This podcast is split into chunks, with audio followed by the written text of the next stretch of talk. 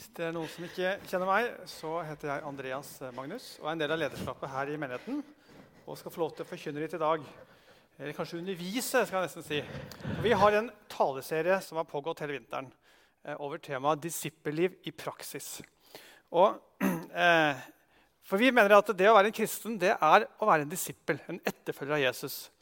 Og Da trenger vi kanskje litt hjelp til å se hva slags rutiner, hva slags vaner hva, slags, eh, hva, hva, trenger vi for å leve ut dette livet sammen med Jesus i hverdagen? Så det har vært fokuset. Og Sist så snakket Ragnhild om bønnens kraft. og Det kommer jeg tilbake til helt på slutten i dag også. Men temaet i dag er altså hvordan stå imot den onde. Og Det er jo ikke et sånt tema som eh, vi snakker om så veldig ofte her i menigheten. Eh, men det er eh, viktig, og vi skal bruke tid på det i dag. Fordi Bibelen den eh, viser oss, eh, eller tegner et bilde av at vi står i en kamp. faktisk. Vi som ønsker å følge etter Jesus. Vi har en motstander og, som ønsker å ødelegge for oss. Og Jesus sier at uh, tyven, det er denne motstanderen, djevelen, kaller vi han ofte for, han er kommet for å stjele, for å myrde og for å ødelegge. Men jeg er kommet for å gi dere liv, sier Jesus. Så For å forstå litt mer av denne kampen skal vi gå eh, løs på en bibeltekst i dag. I Efeserne kapittel 6, vers 10-19, og se hva vi kan lære av dette sammen. Eh, jeg leser. Til slutt, bli sterke i Herren, i Hans veldige kraft. Ta på Guds fulle rustning, så dere kan stå dere mot djevelens listige knep. For vår kamp er ikke mot kjøtt og blod, men mot makter og åndskrefter, mot verdens herskere i dette mørket og mot ondskapens ånde her i himmelrommet. Ta derfor på Guds fulle rustning, så dere kan gjøre motstand på den onde dag og blir stående etter å ha overvunnet alt. Stå da fast, spenn sannhetens belte rundt livet og kle dere i rettferdighetens brynje. Stå klar med, fredens evangelium som sko på føttene. Hold alltid troens skjold høyt. Med det kan dere slukke alle den åndes brennende piler. Ta imot frelsens hjelm og åndens sverd, som er Guds ord. Gjør dette i bønn, og legg alt framfor Gud. Be alltid i ånden. Våk og hold ut i bønn for alle de hellige, også for meg. Slik lyder Herrens ord. Det var en lang og innholdsrik eh, tekst med utrolig mye spennende materiale å ta tak i. Men eh, som jeg har lært av en av mine mentorer, eh, Timothy Keller, det er lurt å holde seg til tre punkter. Jeg skal prøve på det i dag. Og hvis jeg sier noe intelligent i dag, så er sjansen for at jeg har det fra han, ganske stor. Eh, men hva jeg har, jeg har, en fortid som eh, sersjant i Forsvaret. Og da lærte jeg at Hvis du skal ha suksess i kampen, så må du kjenne din fiende. Du må ha etterretning, vite hva som foregår, hva du er opp imot. Så fokuset i dag blir hvem er det vi slåss mot? Hva er det vi slåss mot? Og hvordan er det vi skal kjempe for å ha sjanse til å vinne? Og Vi vet allerede hvem. Det er djevelen. Eh, hva? Det er hans listige knep, sier Paulus. Og hvordan? Jo, det er å gjøre det Paulus oppmuntrer oss til, nemlig ta på Guds fulle rustning, stå fast i bønn. Men litt mer grundig, da. Hvem er det vi kjemper mot? Eh, I vers 12 så gjør Paulus et poeng med at, at vi har ikke en kamp mot kjøtt og blod, eh, men mot makter og myndigheter osv. Hva mener han med det? Mener han at mennesker ikke er onde? At ikke mennesker deltar i ondskapen? Jeg tror ikke det er det han mener. Og husk at Når Paulus skriver det her, så sitter han faktisk i en fengselscelle og skriver brev. Det gjorde han ofte. Han har vært pisket, han har vært steinet, han har vært robbet, kjeppjaget, falske anklager. Han har vært opp mot mye ondskap, sannsynligvis mye mer enn det vi får erfare i livet. Så Han vet at mennesker kan være onde, og mennesker kan spille på lag med ondskapen. Men jeg tror han prøver å si noe mer. Det er ikke primært menneskene, det er det som, der ligger noe bak. Når mennesker tar del i ondskap, så spiller de på lag med en ond åndsmakt. som De blir på en del av en kosmisk kamp mellom det gode og det onde. Eh, og, så Krig og fattigdom og rasisme alt dette er forferdelig. Men det er ikke bare mennesker som er på, på, på ferde her. Det er også krefter bak som oppmuntrer til det her. Og Før vi tar inn over oss det og skjønner det, så tror jeg ikke vi vil forstå ondskapen i verden på dybden og ikke være beredt til å møte dem på en, en skikkelig god måte også. Men dette med sånn ond åndsmakt, eh, eh, djevel og demoner, det er jo litt, gått litt av moten i Vesten. i hvert fall. Altså, Afrikanerne har ingen problemer med det her. Ikke de i Sør-Afrika heller. Eller i Asia, for den saks skyld. Så det er egentlig litt sånn europeisk fenomen. Men likevel, vi syns dette er litt vanskelig. Og det er kanskje ikke så rart, for Vi har vært utsatt for flere hundre år med ganske aggressiv sekularisering. Og det er klart, Hvis ikke du tror på en gud, hvorfor skal du da tro på en djevel? Det gir jo en form for mening. Eh, men kanskje verre er at de som ikke tror på Gud, ikke tror på djevelen. Selv de som sier de tror på Gud, selv de selverklærte kristne, svarer i en undersøkelse i 2010 fra USA det er kun 41% som faktisk tror på en ond åndsmakt. Og helt opp til 59% sier at uh, djevelen er bare et symbol på det onde. Ikke, ikke, så mye mer enn det. Ikke en virkelig personlig størrelse. Så hvordan tenker vi da i Vesten, i vår kulturkrets, om ondskapen? Jo, jeg tror vi tenker at uh, uh, det er naturlige forklaringer på alt. og da er det også vitenskapelige forklaringer. så når vi ser rasisme og vold og råskap og overgrep og fattigdom, så er det naturlige årsaker som vi kan dissekere, vi kan forske på, vi kan på måte, forstå og løse. Eh, og Gjerne så snakker vi om at det handler om psykologi. Sant? Du har rett og slett ikke blitt oppdratt bra nok. Du har ikke fått uh, god utdanning. Det har vært svikt uh, på de banene. Kanskje en vanskelig personlighet. Vi er på, på, det nivået der. Eller vi snakker om sosiologiske eller politiske forklaringer. det er dårlig sosialt system, det er, det er mangelfull velferd ikke nok inkludering, det er maktubalanse, folk mangler rettigheter. Alt dette er viktig og veldig bra, men og vi kan forske på dette her, så kan vi også løse det bare vi gjør bra nok politikk, bare vi får bedre systemer. Men denne positivistiske innstillingen, denne tanken om at vi kan forklare, vi kan forstå, vi kan løse alt, eh, den begynner å bli litt tynnslitt, mener noen. Eh, og En som mener det, det er en som heter Andrew eh, Del Banco, professor i USA på Columbia University, eh, som er eh, arnestedet for venstresiden i USA. Der jeg har kritisk teori. Hvis du om det. Alle de folka de, de holdt til der. Eh, og han er ingen kristen. Han er, han er en sekulær, ikke-praktiserende jøde. Liberal professor i USA. Men han har skrevet en bok som heter 'The Death of Satan'. Altså Satans død. Og eh, Han mener at dette har gitt oss noen problemer når ikke vi lenger åpner for eh, det onde. Eh, han sier det har åpnet seg et stort gap i vår kultur mellom den åpenbare ondskapen som vi observerer rundt oss, og våre intellektuelle ressurser til å møte eh, og hanskes med den ondskapen. Vi i Vesten har kastet ut ideen om en kosmisk ondskap, en overnaturlig eh, eller åndelig ond makt. Vi tror ikke lenger på det. Så fortsetter han. Faktisk så liker vi ikke engang å bruke ordet ondskap i dag. Fordi det impliserer noen eh, moralske absolutter, noen verdidommer. Og det er vi ikke komfortable, komfortable med. Så vi bruker i stedet medisinske termer. Eh, vi snakker om at noen er dysfunksjonelle. Vi snakker om patologi. Eh, vi bruker ikke lenger moralsk terminologi. Eh, men ettersom 1900-tallet har, har skrevet fram, sier Del Banco, så blir det vanskeligere og vanskeligere å holde fast på det her. Når vi ser på holocaust, vi ser på etnisk rensing, ser på seriemordere, eh, det blir vanskelig å bare snakke om psykologi og sosiologi. Det holder ikke, mener Del Banco. Og For å illustrere sitt poeng så han, uh, henter han et eksempel fra populærkulturen. Uh, det synes jeg er litt morsomt. da. Og Det er en, film som jeg selv syns var litt eh, fascinerende når jeg så den på 90-tallet, som heter 'Nattsvermeren'. Jeg vet ikke om dere har sett den, men uh, det er ikke for de mørkeredde. kan jeg si det sånn. men det er fascinerende, for det har litt sånn samfunnskritisk brodd. Og Der er det altså en ung FBI-agent frøken Starling, som kommer for å møte denne grusomme seriemorderen Hannibal Lekter. som sitter på cella si. Og så har han noen noe, noe innsikter om en annen, eh, annen, eh, seriemorder som hun håper å hente ut for å fange denne andre seriemorderen. Og Så spør hun vaktene i fengselet du, hva som skjedde med han. Han ble så grusom. Han spiser, altså, spiser ofrene sine. det er liksom historien. Og Så overhører Hannibal Lekter denne kommentaren. sier han, 'Hei, kom hit.' Og Så konfronterer han sier han, Uh, ingenting skjedde med meg, frøken Starling. Jeg skjedde. Du kan ikke redusere meg til et sett med påvirkninger.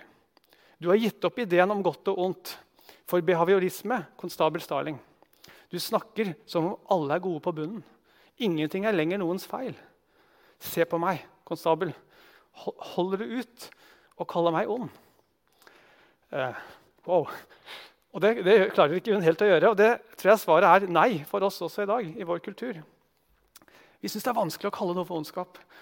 Og selv i vårt eget land så hadde vi en sak som illustrerte dette for noen år tilbake. Anders Behring Breivik. Eh, og Det måtte to runder med rettspsykiater til før han ble strafferettslig tilregnelig. Og en, mass, en massivt press på opinionen. Vi klarte ikke å tenke han må jo være syk. Det går jo ikke an å være ond. Eh, men klart at han hadde masse bagasje med seg fra barndommen. Det vet vi. Så klart, Psykologi og sosiologi det spiller en rolle. Men når du kaldblodig myrder 77 mennesker, eh, så blir tanken at mennesket egentlig er godt på bunn. At det bare er systemet som har sviktet. Det blir litt hult. Eh, disse eksemplene gjaldt på individnivå, men vi kan også løfte blikket og se liksom på, på, samfunnsnivået. Og Utover starten av 1900-tallet, eh, hvor Europa dominerte verden, så tenkte vi ofte det at eh, ondskapen det er det disse, de barbarene, disse usiviliserte, holder på med. Hvis vi bare får gitt dem utdanning, gitt dem sivilisasjon, så skal vi se å få bukt med denne ondskapen. Og så kom første verdenskrig og andre verdenskrig og holocaust og massemyrderiene eh, og gassovnene. Og så, Hvor skjedde dette? Jo, det skjedde i den mest kultiverte, mest siviliserte, best utdannede nasjonen i verden, i Tyskland. Akadem Akademias høyborg. Og vet du hva? De som satt og planla holocaust, den endelige løsningen det er ved Wannsee-konferansen. Over halvparten hadde doktorgrad. Tenk på det. Det er spesielt. Og Så var vi ferdig med nazismen og nazistene, og så var det marxistenes tur. Vi sa ok, kanskje ikke det er psykologien som er problemet, det er sosiologien.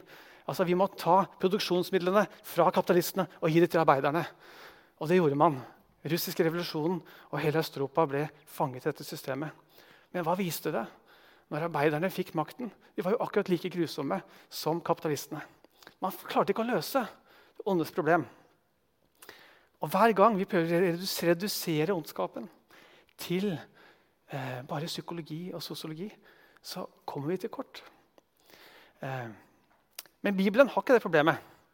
Bibelen har et mye mer nyansert, mangefasettert eh, eh bilde av ondskap. Eh, den lærer oss at ondskapen kommer fra to, eh, to skapninger som Gud skapte med fri vilje. Det var englene som gjorde opprør mot Gud. Så det er sånn Bibelen forklarer eh, djevelen og hans demoner. Og så var det menneskene som også snudde ryggen til Gud og ville styre og bestemme selv. Og Dermed fikk ondskapen en plass i våre egne hjerter, dypt i vår sjel. Og Det betyr at kan vi ikke holde på sånn som vi ofte gjør. Liksom, det er de som er de slemme. det er de. Hvis vi bare får samla alle de folka som gjør ugangen, og får liksom utrydda de, så skal de få det paradis på jord. Men vi kan ikke lenger si det. Vi må si som Aleksandr Solzjenitsyn, denne store russiske filosofen og forfatteren som sto opp imot Stalin og måtte bøte med ti år i Gulag-leirene for det. Han sier det at eh, slagmarken mellom godt og ondt den går igjennom hvert enkelt menneskes hjerte. Vi er alle del av problemet. Sånn lærer Bibelen oss. Så Bibelens budskap er ja, psykologi er viktig. Sosiologi er viktig. Eh, de kan aktivere, de kan fremme, de kan påskynde eh, ondskapen vi har i oss. Men det skaper ikke ondskapen. Den fins der fra før. Det er ondskapen i våre hjerter, heiet fram av djevelen, som gjør verden til slik den er i dag. Så det er punkt 1. Vi har ikke en kamp mot kjøtt og blod alene. Det finnes noe mer bakenfor. Og Hvis du tror på en gud, jeg håper du gjør det, så er det, er det ikke litt inkonsekvent å ikke også tro at det kan finnes en ond åndsmakt i hvert fall når Bibelen legger så mye vekt på det. Og jeg tror Uten at vi tar inn over oss det, så er vi ikke kapable til å møte verken ondskapen i vårt eget liv, i vår familie, i vårt lokalsamfunn eller i verden. Da har vi ikke de verktøyene som trenger. Og vi har ikke ressursene i oss sjøl. Vi trenger hjelp utenfra. Det er budskapet til Paulus i dag. Så vet vi altså hvem vi slåss mot. Men hva er det vi kjemper mot? Djevelens listige knep, sier Paulus i, kapittel, nei, i vers 11. La oss se på det ordet. Hva handler det om? Eh, listig knep det er oversatt fra greske ordet 'methodeia'. Da skjønner du kanskje med en gang hva det betyr på norsk. altså Metode. Og det er et flertallsord. Så djevelen har altså et arsenal med våpen, med taktikker, som han kan bruke mot oss. Eh, og hva er disse taktikkene? Jeg tror det er primært to feil han vil ha oss til å gjøre. Og så er det eh, to strategier han bruker mot oss. Eh, la oss begynne med de to feilene. Og Dette står ikke sånn svart på hvitt i dette brevet fra Paulus, men vi kan lese mellom linjene eh, det, hva det handler om. Og Det handler om eh, å ikke overvurdere, men heller ikke undervurdere djevelen og hans makt. La oss se på dette med å undervurdere først. Når Paulus skriver at vi har en kamp mot eh, det onde, så bruker han ikke det vanligste ordet på gresk som man kunne forvente. men Han bruker ordet palé. Palé det kommer fra brytesporten. Så hvis du ser for deg en sånn kampscene da, fra antikken, eh, så, sant, så, skyter man på hverandre med pil og bue først. og Så rykker man nærmere, og så er det på med sverdet. Alt dette er jo farlig. Men sant, når du ligger i gjørma og bryter med fienden, da er det en kamp på liv og død. Og det er det eh, Paulus beskriver. Eh, og Hvorfor gjør han det på den måten? Jo, for jeg tror at Han vil at de skal skjønne at dette er alvor. Vi har å gjøre med en, en virkelig fiende. Det er ikke bare noen, noen løse ideer. Og Begrepene han bruker om den ondskapen, det er liksom ikke noe småtteri. Det, det er liksom ondskapens ånde her. Denne verdens fyrster. Det er, det, er, heftige ord. Og Det er for å understreke at eh, vi må ta på alvor det her. Det er en reell fiende som vi må forberede oss på å møte. Eh, samtidig så skal vi ikke bli redde. For det står 'Bli sterke i Herren' og stå fast. Og det betyr at vi trenger ikke å frykte. Vi trenger ikke å flykte. For vi er på vinnerlaget. Det vet vi. Det står videre at eh, hvis vi gjør det som, Paulus sier, da, hvis vi tar på oss Guds fulle rustning, så står det at det blir stående etter å ha overvunnet alt. Så det er ikke sånn at eh, jeg håper det går bra. Nei, vi kan være trygge på at det går bra hvis vi følger oppskriften fra Paulus. C.S. Lewis er en av mine andre helter. Han skrev en fantastisk bok som heter 'Djevelen dypper pennen'.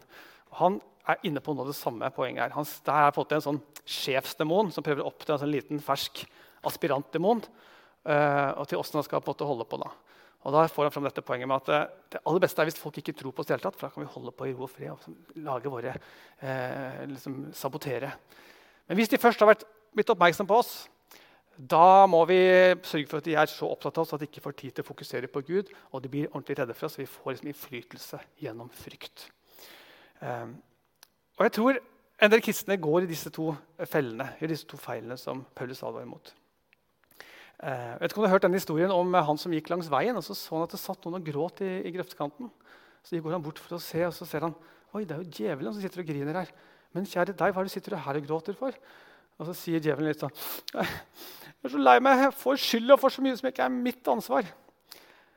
Og litt sånn er det for noen kristne. at Vi, vi liksom tenker at vi ser djevelen bak og demonen bak hver, hvert hjørne. Og alt som er galt, det er hans feil. Men sånn er det selvfølgelig ikke. Og det blir veldig skeivt. Vi må ta ansvar for vårt eget liv. Vi kan ikke skylde på djevelen for alt som, vi, som går galt. Eh, og det er problematisk fordi det er mange ting vi må ta tak i sjøl. Hvis det er et moralsk brist i livet ditt, hvis det er sår fra barndommen som du trenger sjelesorg for, hvis det er eh, selvkontroll du trenger å øve opp, så er det ikke løsningen å peke på djevelen. Eh, og så har vi den andre siden, da, som liksom bare avviser hele greia. Og da blir du ganske forsvarsløs mot det som kommer, når du ikke er obs på det. Så det er like problematisk å prøve å, å stå imot djevelens løgn, løgntanker med antidepressiva medisiner.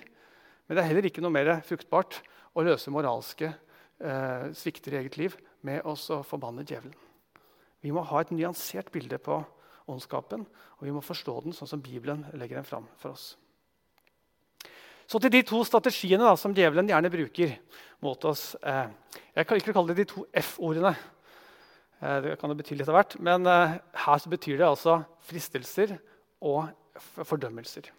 Det er de to hovedstrategiene djevelen bruker. Eh, og Den vanligste måten djevelen opptrer på, det er gjennom å spre løgn. Og Det er ikke så rart, for det, det er jo, Han kalles løgnens far i Bibelen. Og Det er, det er jo det navnet hans betyr. Altså, Diabolos på gresk det betyr en som lyver, en som splitter, en som baktaler. Eh, Satan, det hebraiske ordet som betyr det samme, det, det betyr eh, en som eh, anklager eller kritiserer. Eller eh, en motstander kan også bety. Så er, altså, Løgn er djevelens modus operandi. Det er sånn han opererer. En, en veldig framtredende amerikansk eh, sjelesorger og professor i psykiatri som heter John White, han er død nå, men han brukte et veldig fint bilde på hvordan djevelen jobber og prøver å, å påvirke oss.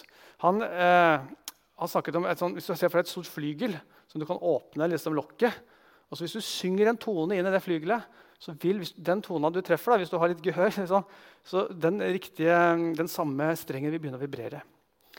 Og Sånn mener han at djevelen jobber. Djevelen kan ikke gjøre et, et, godt menneske ondt, men han kan vibrere på de strengene vi har i livet, som allerede er der. Den svakheten og de, eh, den eh, syndet som ligger der. Um, la meg ta et eksempel. Alle kan vi bli såret. Alle kan vi bli lei oss. Det skjer hele tiden. Sånn, da har vi et valg. Da vil djevelen inn der. Ah, vi ber, Kanskje du skal bli litt bitter for det her. Hvis du velger bitterhetens vei, så har du gitt en liten åpning. Da kan djevelen inn og synge og spille orkester. Spille en hel sang på, på våre strenger. Eh, derfor sier eh, Paulus tidligere samme brevet her til feserne La ikke eh, solen gå ned over din vrede. For da gir du rom til djevelen. Da gir han på noen rettigheter i livet ditt. Gir han plass. Eller dette med stolthet. Eh, ingen av oss liker å innrømme feil. Sant? Ingen liker å ydmyke seg, be om tilgivelse. Men hvis vi da velger stoltheten, så gir vi en åpning. Så kan djevelen begynne å vibrere på den strengen, og så kan det bli ganske stygt etter hvert. Eh, og hvis vi gjør det, så er vi fått det på vei bort fra Guds vilje. Da begynner vi å snu oss vekk fra Gud. Eh, for det står at Gud står den stolte imot, men den ydmyke gir han stor nåde. Og da har djevelen nettopp oppnådd det han vil. Han vil ha oss vekk fra Gud, vekk fra Guds nåde. Eh, fordi altså Hvis han kan ødelegge vår relasjon til Gud, det er egentlig det eneste måten han kan skade oss på. Det står eh, i Romerne 8,37 at ingen kan rive oss ut av Guds hånd. Djevelen har ikke kraft til det. Og om han skulle prøve I det eksempelet med jobb så fikk han jo lov til å herje litt med jobb. Og om han så skulle ta livet vårt, hva gjør det for en kristen? Da er vi bare raskere hos Jesus. Men eneste måten han kan skade oss på, det er å få oss til å snu ryggen til Gud. Og Det er derfor han jobber med det. Løgntanker om Gud. Og Det er sånn han begynte også i Edens hage. Hva var det han sa til Eva? Sant? Har Gud virkelig sagt? Så begynte han å trekke i tvil Guds gode intensjoner. Begynte å få blikket fra Eva bort fra all velsignelse fra Gud og se på dette ene treet som Gud har bedt dem ikke røre. Og så begynte han å trekke i tvil Guds motiver. Hvorfor skal du ikke røre det treet? Han, han vil holde noe godt vekk fra deg. Disse løgntankene å komme. Eh, og Så fikk han lurt Eva og Adam og hele menneskeslekten med på sitt opprør mot Gud, som var uresynden. Det gjør opprør mot Gud og ikke eh, føye seg til Guds gode vilje. Eh, Thomas Brooks, litt morsomt, eh, ble gjort oppmerksom på han her for ikke så lenge siden. Han er altså en 1600-talls eh, teolog og pastor. Det var så vidt trykkerikunsten var oppfunnet, men jammen meg kunne de skrive da også. Fantastisk innsiktsfull eh, om mennesket. Og den heter altså Precious, 'Precious Remedies Against Satan's Devices'. Altså hvordan stå imot djevelens taktikker. Og Han, eh, han peker på eh, hva vi kan gjøre for å stå imot. Han peker på det, det er liksom disse to tingene. Fristelser er det, er det ene. da. Og Det handler egentlig om at djevelen prøver å blåse opp vårt eget ego vår egen selvfølelse, sånn at vi skal gjøre dumme ting som vi angrer på etterpå. Og Hvis det skal funke, så må han på en måte spille opp Guds eh, godhet og nåde og så holde vekke Guds hellighet fra oss. Eh, og så stimulerer han disse, dette selvsnakket som vi har i hjertet vårt, i negativ retning. Han har masse, masse, jeg har 70 eksempler i boka. Jeg skal plukke ut syv eksempler her som jeg håper eh, kan illustrere noe av det taktikken til djevelen. Hør etter nå. Han viser deg agnet, men ikke kroken. Ikke sant? Han peker på den kortsiktige gevinsten, men ikke de langsiktige skadene som synden, eh, fristelsen påfører. Eller han får deg til å punkt to, rasjonalisere synd som en dyd. Jeg er ikke grådig, jeg er bare flittig, sier vi når vi jobber oss halvt i hjel. Eller jeg er ikke gjerrig, jeg er bare nøysom når vi ikke vil dele. Eller 'Jeg blander meg ikke utidig inn i andres saker. Jeg er bare bekymret.' Eller 'Jeg er ikke alkoholiker. Jeg er bare veldig festlig og sosial.' Vi rasjonaliserer det vi gjør. Jeg vet ikke om du kjenner, kjenner deg igjen? Jeg kan kjenne meg litt igjen i noe av dette her. Eller punkt tre, han viser deg synden til kristne ledere og helter. Sier at det, kan ikke være så farlig når han gjør det. Og ingen kan være, leve så riktig når ikke han kan det engang. Da trenger ikke jeg å prøve engang. Eller punkt fire. Han skeivfokuserer på Guds nåde og barmhjertighet. Bare gjør det. Det går bra. Gud tilgir. Det er jobben hans å tilgi. Og så nedspiller han Guds hellighet. Eller punkt fem ved å gjøre oss bitre over de lidelsene vi opplever, og de ofrene vi må gi.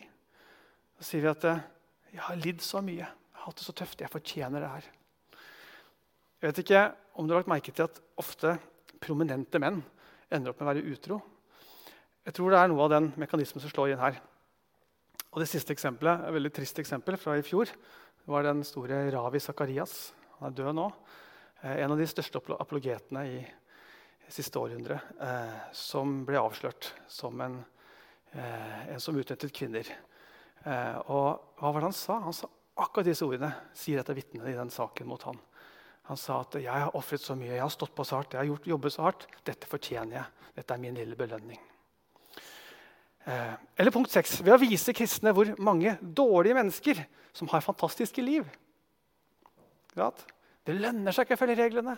Det betaler seg ikke å lyde Gud. Eh, jeg prøver å følge Guds bud, men se, de som driter i det, de har det mye enklere, mye bedre. Den kjenner jeg meg igjen i av og til.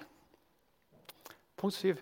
Ved å sammenligne noen deler av livet ditt med andre deler av livet. Jeg er så flink på området her, og her gjør jeg mye bra. Og dette og dette. Da kan jeg slurve litt her. Da kan jeg, jeg er ikke så nøye med det her. Eh, du har kanskje hørt om eh, mafia-hitmanen som sier ja, ja, jeg dreper folk, men jeg er veldig glad i mora mi. Jeg tar godt vare på mora mi. Eh, det er litt sånn eh, drøyt eksempel, men logikken er den samme. Så det var dette med eh, fristelser. Og så er det punkt to. Da.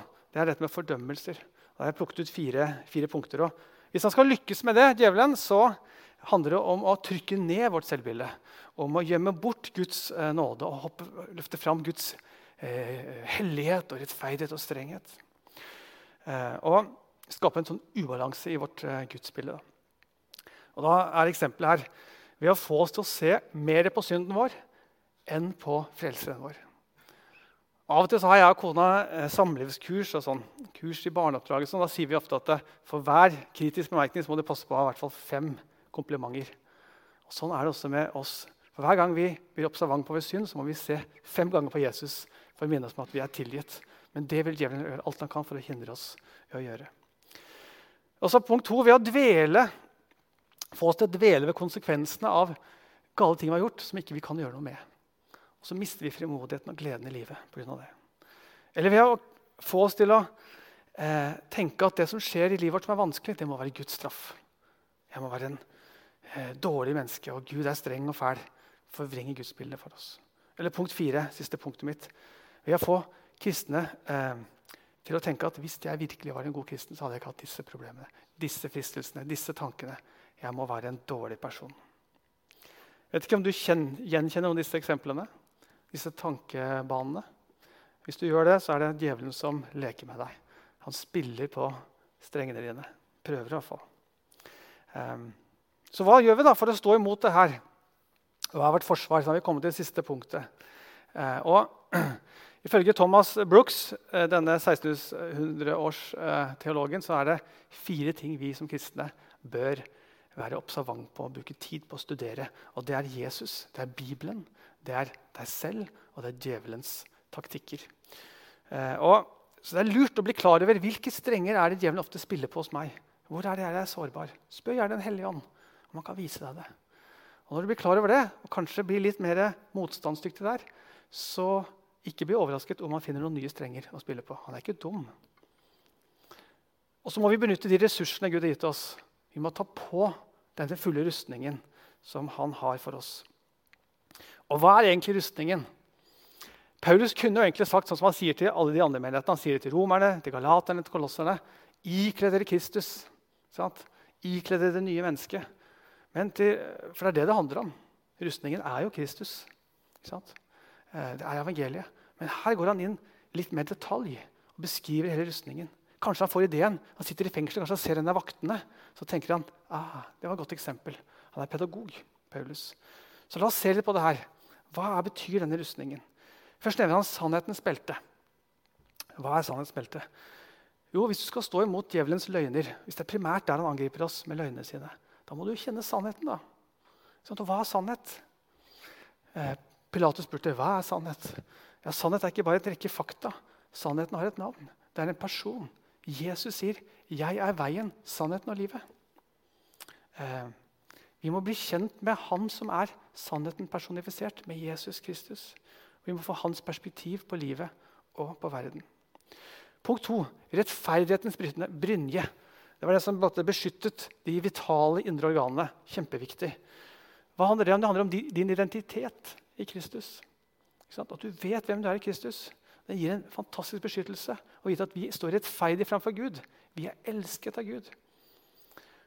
Hvorfor kunne Jesus ligge i båten og sove mens disiplene var livredde og trodde de skulle drukne? Han visste hvem han var. Han visste at han var Guds sønn. At Gud har kontroll. Punkt tre troens skjold. Eh, tro det er av og til tenker folk som det er sånne det er noe sånn vidløftige greier. Jeg tror, jeg tror. ikke sant? Eh, men det er ikke noe teoretisk. Det er ikke, noe sånn, det er ikke en følelse. Tro, det er handling. Jødene er utrolig konkrete. Eh, og Jakobs brev, Jesu eh, bror, skrev et brev, så legger han vekt på dette med tro. Tro er praktisk. Eh, det handler om tillit og lydighet. Det handler om å være ordets gjører. Du kan veldig fort finne ut om du har tro. Det er bare å se på ditt eget liv. Hvor bruker du tidene, pengene dine? Hva er det som styrer valgene du tar? Livet ditt, liv, livet ditt lyver ikke. Den praktiske troen, når vi lyder Guds ord, lever det ut, den beskytter mot Satans brennende piler. Og så har vi frelsens hjelm. Fordi kampen den står i tankene våre. Det er der kampen står. Det er slagmarken. Så Derfor sier Paulus ta hver tanke til fange under Kristus. Vi må ha fokus på rett sted. Husker kanskje historien med Peter som skulle gå på vannet. Når han så på, Jesus, så gikk det bra. Begynte å se på alle omstendighetene rundt. Wow, da begynte han å synke. Eh, så hva fyller vi tankene våre med? Er du bevisst på det? Fordi Salomo, den viseste mannen i historien, sier at eh, slik en mann tenker i sitt indre, sitt hjerte, slik er han. Først kommer tanken, så kommer handlingen. Tanken er viktig. Så er det åndens sverd. Eh, det er Guds ord, sier Paulus. Og hvordan vant Jesus over djevelen når han ble fristet? Når han ble prøvet i ørkenen? Jo, han siterte fem skriftsteder fra 5. Mosebok. Han siterte tilbake til djevelen. Da sto det at djevelen forlot han. Han måtte vike fra han. Eh, løgnens far han hater sannheten. Han hater Guds ord. Derfor må vi bli rotfestet i ordet. Og når gjør vi det? Jo, det er når vi står fast på det, når vi lever det ut og lyder det og siterer det ut. Da må djevelen eh, vike fra oss. Derfor skal vi ha det som tema neste søndag ved gudstjeneste. skal ingen snakke om eh, Bibelens plass i en disippel sitt liv. Så det blir bra. Siste moment i dag eh, for den rustningen det er skoene. Og det er altså fredens evangelium, sier Paulus. Eh, fordi evangeliet det er ment til de skal ut og gå. De er ment til å deles. Evangeliet skal deles, det skal spres ut. Eh, når vi står fast på sannheten, sant? sannhetens belte, da holder vi stand. Vi holder bar barrikadene. Det er viktig i krigen. Vi må ikke gi etter. Men samtidig skal vi vinne nytt land. Skal vi på en måte utbygge Guds rike, så må vi jo spre evangeliet ut. Vi må gi det videre. Eh, det var det Jesus kom for å gjøre. Han kom for å utbygge Guds rike. står det. Han helbredet syke, han fortalte det glade budskap. Og da blir det mindre plass til djevelen. Så kjernen i åndelig krigføring det er å utvide Guds rike. Og da vil du møte motstand. Det var derfor djevelen er så ute etter Jesus. Og han kommer til å være ute etter meg og deg når vi blir agenter for Guds rike. Um, vet ikke om du har hørt det, men, men Den viktigste grunnen til at misjonærer reiser hjem fra misjonsmarken, det er konflikter med andre misjonærer. Uh, djevelen er ute etter å sabotere, for da føler han seg truet. Det blir mindre plass til ham. Uh, og Derfor minner også Paulus oss på uh, at vi har ikke en kamp mot Nei, unnskyld. det. Be alltid i ånden. Fordi vi, vi, kommer til å møte motstand. Og Paulus opplever han sitter i fengsel og har møtt masse motstand. Be for meg, sier han. Vi trenger det når vi står i evangeliets tjeneste. Eh, jeg skal komme mot en avslutning nå. Eh, og Da vil jeg trekke fokus tilbake på Jesus og hans eksempel. Hvordan var det han vant sine kamper mot djevelen? På det aller mest intense, i Getsemane, før han skulle dø på korset. Hva gjør han da? Jo, han ligger på kne. Han ber. Så sier han til Gud, han underordner sin vilje under Gud. Din vilje skjer, Gud, ikke min vilje. Han var lydig helt til korset. Slik klarte han å vinne kampen over djevelen, over døden og over synden. Og Gjennom sitt eksempel så lærer Jesus også oss hvordan vi skal agere. Hvordan vi kan overvinne det onde, nemlig med det gode. Eh, Jesus ofret seg selv. Han ga seg selv. Han tilga og elsket sine fiender. Og det er modellen vi har fått også. Det er det det handler om. Derfor minner Paulus eh, efeserne på at de ikke har en kamp mot kjøtt og blod. Eh, det eneste vi skal hate, er djevelen. Mennesker skal vi elske, selv de som er våre fiender. Hvis vi begynner å hate mennesker, kjempe mot mennesker, da har vi tapt. Da har djevelen vunnet med en gang. Så en liten utfordring til deg til slutt. Hvis du går og tenker inn i hjertet ditt at eh, frelsen den kommer gjennom gode gjerninger Jeg må prestere, jeg må fortjene meg det. Ikke sikkert du sier det høyt, men kanskje det er den tanken du har innerst inne. Eh, da vil du ofte gå rundt og føle deg som en elendig synder. Eh, en fortapt og håpløs person. Hvis ikke du går veldig bra en liten øyeblikk, da vil du kanskje føle deg veldig stolt og, og elsket og vellykket. Men hvis du tror på evangeliet, at Jesus døde fra i ditt sted, at han tok all din skyld, all din skam, på seg på korset og gikk i døden for deg. Og du i bytte fikk all hans rettferdighet. Du fikk hans CV, hans liv i bytte. Da kan du ha to tanker i hodet samtidig. På den ene siden at jeg er en synder, ja, og min synd den gjorde at selv Gud Gud selv måtte komme ned og dø på et kors for meg. Samtidig så er jeg så høyt elsket som jeg aldri kan fatte. Og det vil jeg være i til evig tid. Eh, du kan ha to tanker i hodet samtidig. Og En av disse faktaene vil hjelpe deg til å motstå fristelsene som djevelen kommer med. Fordi Når du tenker på neste gang du blir fristet, at det var en som døde på et kors for deg, det var en som ble slått, plaget, pint, en grusom død, for at du skal slippe å gjenta disse syndene, være fanget av disse syndene. Da gir det motivasjon eh, til å stå imot og ikke ha noe med disse handlingene å gjøre.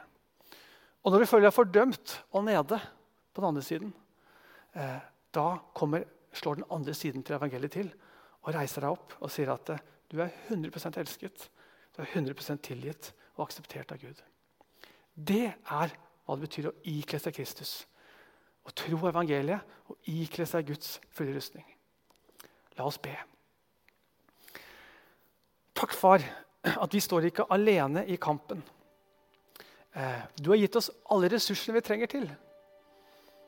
Herre, takk for det. Og takk at du skal hjelpe oss å avsløre djevelens løgner. Ta på oss din rustning, så vi kan stå i kampen. Og at vi eh, kan vite at vi er elsket av deg, samtidig som vi vet hvilken pris det kostet deg å vinne oss tilbake.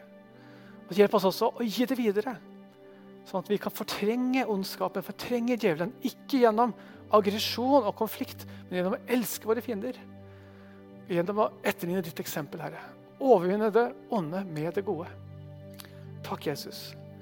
Hjelp oss å elske og lyde deg der der kampen står. Og tro ditt ord, tro din sannhet. Hjelp meg og mine venner å gjøre det i dag. I Jesu navn. Amen.